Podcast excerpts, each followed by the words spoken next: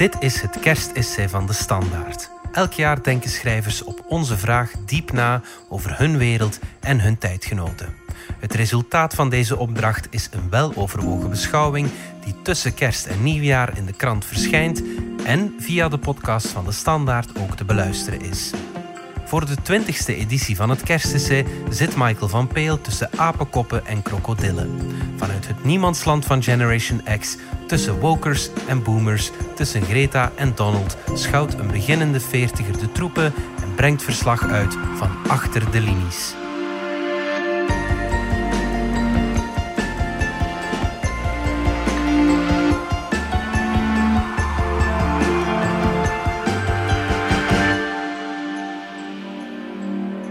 Tussen apenkoppen en krokodillen, deel 3.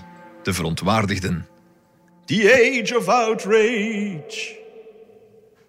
Sommigen noemen generatie X wel eens de laatste die nog overweg kon met een foute mop, een wegenkaart en het feit dat niet de hele wereld al je meningen deelde. Sommigen, dat is dan vooral generatie X zelf. Onzin natuurlijk. Behalve dat van die wegenkaart misschien. Maar het bekt wel lekker als intro. En de jongste generatie is, net als vroeger, heel vocaal in haar lichtgeraaktheid. Vooral als het over discriminatie gaat. Hun leefwereld is dan ook veel diverser dan die van hun ouders, voor wie een andere kleur vaak nog een uitzondering was. Mijn klas in 88 zat vol Christoffe en Sabines en we hadden één Japanner in de klas, de Joris, en één Marokkaan op de muziekschool. Mijn MTV-generatie kakelde nog koeter Amerikaans. Shut up, Beavis! terwijl de blanke kids op de speelplaats vandaag Marokkaanse slang bezigen. Het kinderwoord van 2020 is Ewa Dreri, Marokkaans voor yo homie, zeg maar. Die diversere wereld maakt dat racisme en discriminatie veel dichterbij komen. Zeven op de tien stedelijke jongeren hebben vrienden met een andere herkomst. De kans dat iemand van je vrienden getroffen wordt, is groter. Dat maakt de strijd persoonlijker, ook als je zelf geen kleur hebt. Verontwaardiging kan een sterke drijvende kracht zijn. Het is het beginpunt van alle verandering, de slagpin van oorlogen en die van revoluties. Maar wat het huidige tijdperk misschien wel uniek maakt, is dat deze emotie een extra economische dimensie heeft gekregen. Verontwaardiging brengt techbedrijven massa's geld op. De klassieke media teerden altijd al op sensatie en schandaal. Denk aan de drukletterkoppen van de Britse tabloids. Sensation sells, natuurlijk. Maar die tabloids moest je nog wel zelf kopen. En dat kon je één keer per dag. Vandaag word je 24 op 7 gebombardeerd met breaking news en clickbait op zogenaamd gratis sociale media. Zoals de docu The Social Network liet zien, zit daar een verslavend verdienmodel achter. Clickbait-algoritmes hengelen naar je aandacht. Angst en woede worden verkocht aan de hoogste bieder. Links en rechts voeden elkaar met verontwaardiging. Meng daar nog wat mensen bij die schofferen om de broden, opiniemakers, schrijvers en ja, columnisten. En je krijgt een perfecte storm. Welkom in het tijdperk van de grote verontwaardiging. Verontwaardiging is natuurlijk van alle generaties.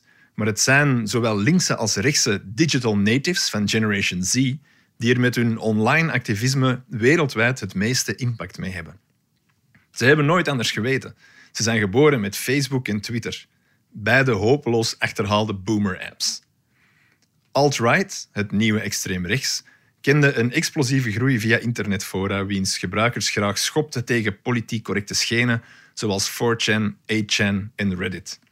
Overigens allemaal opgericht door tieners. Daardoor kreeg het een aura van jonge rebellie. En ook woke, hun geestelijke antipode, verspreidde zich langs het internet over de westerse wereld via hashtags als Black Lives Matter en MeToo. Het evolueerde van een strijd tegen racisme naar een strijd tegen alle vormen van sociale rechtvaardigheid. Voornamelijk die gepleegd door oude witte mannen. Hetero mannen, sorry. Net als de term social justice warrior kreeg ook woke de laatste jaren vaak een sarcastische en pejoratieve connotatie. Ironisch genoeg is de betekenis van woke, wakker, net datgene waar alt-right ook pretendeert voor te staan. Een van hun favoriete koosnaampjes is Red Pill, een idee afkomstig uit de Generation X-film The Matrix uit 1999. In die film krijgt het hoofdpersonage Neo de keuze: kiezen voor de blauwe pil en leven in de comfortabele illusie van de Matrix, Of de rode pil nemen en wakker worden.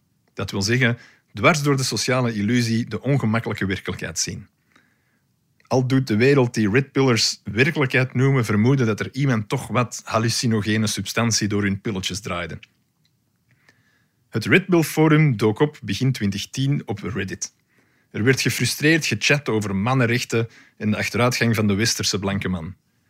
Al gauw werd het een verzamelplaats voor antifeminisme en virulente vrouwenhaat. Geen klein beetje ironisch, gezien de film The Matrix in de echte wereld werd gemaakt door de Wachowski-sisters Lana en Lily, twee transvrouwen die toen nog de Wachowski Brothers waren. Toch liever een blauw pilletje, boys? Zowel de free speech forums als woke vertrokken allebei vanuit oprechte verontwaardiging tegen al dan niet gepercipieerd onrecht. Discriminatie enerzijds, censuur anderzijds. Maar zoals dat altijd gebeurt met goede ideeën, zodra een groep mensen ze overneemt, gaat alles naar de kloten. Het begint altijd met een gebrek aan zelfrelativering, wanneer stervelingen te hard in hun eigen bullshit beginnen te geloven. Jezus en Boeddha hadden simpele goede ideeën, maar gooi ze in de groep en je krijgt een bloedige inquisitie door vergevingsgezinde naaste liefhebbers of een Rohingya-genocide door geweldloze vegetariërs.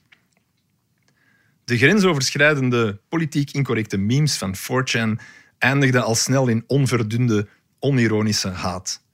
Freedom of speech degradeerde naar freedom of hate speech. De lijn werd ondraaglijk dun. Iets wat Charlie Hebdo ook wel achtervolgde soms.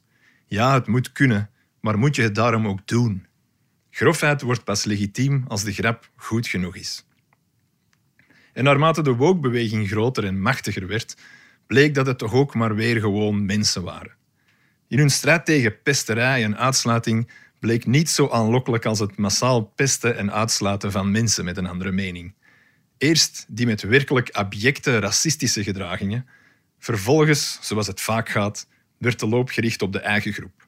Op al wie niet 105% zuiver was, of in de pas liep van de gedachtepolitie. De linkse Canadese premier Justin Trudeau moest bijvoorbeeld door het stof toen iemand ontdekte dat hij zich twintig jaar geleden op een verkleed feestje eens geschminkt had als Aladdin. Afwijkende meningen, ook binnen de eigen linkerzijde, worden soms agressief gebullied tot zelfcensuur. Oud-links is daardoor wat in de war. Het krijgt momenteel te maken met klassieke aanvallen van rechts en friendly fire van woke. Salman Rushdie, met zijn duivelsverse toch een ervaringsdeskundige in gecensureerd, gecanceld en gefat wat worden, drukte in een interview op BBC3 zijn bezorgdheid hierover uit. Vooral jonge mensen lijken het oké te vinden om meningen te onderdrukken die ze zien als problematisch, zei hij. Maar er zijn nu eenmaal opinies die we niet leuk vinden. Het recht op vrij debat is net het basisprincipe van vrije meningsuiting. Zo mansplainde deze boomer. Toen hij in Harper's Magazine mee een oproep deed voor respectvol open debat en tegen cancel culture, kreeg Rushdie het antwoord dat hij zijn bek moest houden. Steeds meer wokers lijken het credo van George W. Bush te huldigen na de aanslagen op 11 september. You're either with us or against us. De zelfverklaarde wakkeren bleken toch vooral te slaapwandelen. Elk in hun eigen droom. Politiek gezien is alt-right succesvoller dan woke. Al kan je hun relatiestatus met de grotere rechtse partijen best omschrijven als it's complicated. Het racistische aspect gaat veel te ver voor deftige conservatieven, maar een deel van hen is verlekkerd op de jonge, wervende dynamiek en tegelijk verblind door hun virulente haat jegens al wat links is. Kijk naar Trump die maar geen afstand kon nemen van de white supremacists of de Republikeinse partij die geen afstand kan nemen van Trump. Bij ons vechten Vlaams Belang en N-VA om de jonge zieltjes van Schild en Vrienden. Intussen zetelt er al eentje in het federaal parlement. Links daarentegen wordt niet bezwaard door die verscheurende keuze. Het wordt gewoon zelf aangevallen door zijn eigen voorhoede. Woke schiet niet enkel op rechts, maar evenzeer op alle linkse figuren die niet woke genoeg zouden zijn. Een generatie van mei 68 verontwaardigden wordt langs achter gepakt door een nieuwe, nog meer verontwaardigde generatie. En terwijl uitgelachen langs rechts. Van Gen Z wordt wel eens gezegd dat ze conservatiever is dan de vorige generatie. Een peiling van VTM en HLN bij 1000 Vlaamse jongeren vorig jaar suggereerde inderdaad dat vooral de jongens opschoven naar rechts. Maar het globale beeld bleef toch nog iets progressiever ten aanzien van de rest van Vlaanderen. De laatste grootschalige studies van het Pew Research Center in de VS en Generation What in de Europese Unie tonen een generatie die inclusiever, toleranter en milieubewuster is dan ooit en wiens politieke standpunten in het verlengde liggen van die van de millennials. Mogelijk verwarren we conservativisme met autoritarisme. Dat is een voorkeur voor sterk leiderschap, conformiteit, orde en normen. Want daar is wel degelijk een verschuiving bezig. Een studie uit 2016 in het Journal of Democracy, uitgegeven door Johns Hopkins University Press, toont dat de jonge leeftijdscategorieën, zowel in de VS als in de EU, hoger scoren op dit persoonlijkheidskenmerk. Dubbel zoveel jongeren als 65-plussers noemen democratie een slecht systeem. Ze staan minder afkerig tegenover een overname door een sterk leider of zelfs het leger. Opvallend is dat de toenemende steun voor antiliberale politieke partijen niet enkel komt uit de hoek van de klassieke verliezers van de globalisering, zeg maar de deplorables, maar ook van de rijke geprivilegeerde jongeren. In 1995 was 6% van de rijke jonge Amerikanen en Europeanen nog te vinden voor een militaire junta.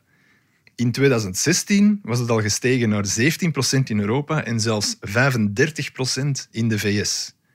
Jongeren staan minder afwijzend tegenover autoritaire systemen en hechten minder belang aan democratie dan de oudere generaties. Ze lijken meer te geloven in wat filosoof Tineke Beekman in een column omschrijft als meerderheidsdenken. Het geloof in het bestaan van een vaste norm die iedereen moet naleven. Dat laatste, het opleggen van een norm aan de andere, is overigens wat zowel alt-right als woke met elkaar gemeen hebben. Elk met hun eigen norm, weliswaar. En wat deze laatste, woke, in schril contrast zet met de oude linkse rakkers, wier mei 68 credo nog verboden te verbieden was. Een treffende studie van het Queensland University of Technology in Brisbane onderzocht een representatieve steekproef van Amerikanen op de correlatie tussen politieke voorkeur en de zogenaamde duistere persoonlijkheidskenmerken. Narcisme, machiavellisme, psychopathie en entitlement. Entitlement is VIP-gedrag, zeg maar. Dat zijn eigenschappen die vaak leiden tot manipulatieve, egocentrische en hardvochtige persoonlijkheden. Als deze u doen denken aan een bepaalde president, u bent niet alleen. De klassieke uiterst links-rechts schalen, politiek correct enerzijds en witte identitaire anderzijds, leverden geen afdoende resultaten op. Maar door links politiek correct op te delen in twee varianten, het oudere PC liberal, de klassieke, poco goed mens, zeg maar, en het nieuwe PC autoritair, woke, trad de correlatie wel op.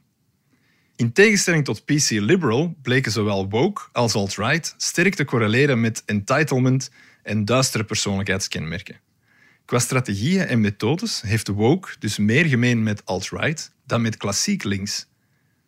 Zowel linkse als rechtse activisten die hoog scoren op bijvoorbeeld psychopathie, zullen gelijkaardige agressieve manieren gebruiken om hun ideologische doelen te bereiken. De onderzoekers kwamen tot de conclusie dat woke en alt-right sterker op elkaar lijken dan ze wellicht zouden willen. Beiden zijn autoritaristisch ingesteld en willen controle over het gedrag van anderen. Wat haak staat op de klassieke linkse hippiewaarden van verdraagzaamheid en mededogen. Dat verklaart wellicht de breuk met de oude linkse jongens als Salman Rushdie. Zowel woke als alt-right zijn in opmars. Maar zijn jongeren echt zo dominant en onderdrukkend als Rushdie het aanvoelde? Of zijn de extremen gewoon het luidruchtigst? Zoals gezegd, de peilingen wijzen nog steeds op dezelfde grote trend als bij de millennials. Generation Z wordt de hoogst opgeleide en meest diverse generatie ooit. Al moet hun teleurstelling in de politiek, hun tanende interesse in democratie en hun toenemende voorkeur voor autoritaire systemen wel alarmbellen doen rinkelen. Zijn de spoken uit het verleden al te vervaagd om de jeugd nog schrik aan te jagen? De studie daarover dateert uit 2016 Mogelijk denken ze er vandaag al anders over. Hopelijk was het intermezzo van vier jaar Trump vaudeville voldoende als wake-up call om de fragiliteit en het belang van de democratie te onderstrepen. De Amerikaanse jeugd lijkt alvast wel wakker te zijn geworden. Deze verkiezingen stemden er van de 18 tot 24-jarigen dubbel zoveel voor Biden als voor Trump. 65% tegen 31. Alleen bij 50-plussers kreeg Trump nog een meerderheid achter zich. Hopelijk blijft ook de nieuwe Europese generatie niet ongevoelig voor de democratische hunkering van hun voorouders. Als straks de WZC's terug opengaan, moeten de jongsten misschien toch nog eens goed luisteren naar de oorlogsverhalen van opa en oma. Geschiedenis is het beste vaccin tegen dictatuur. Dit was de podcast van de Standaard. Bedankt voor het luisteren. Wil je reageren? Dat kan via podcast.standaard.be.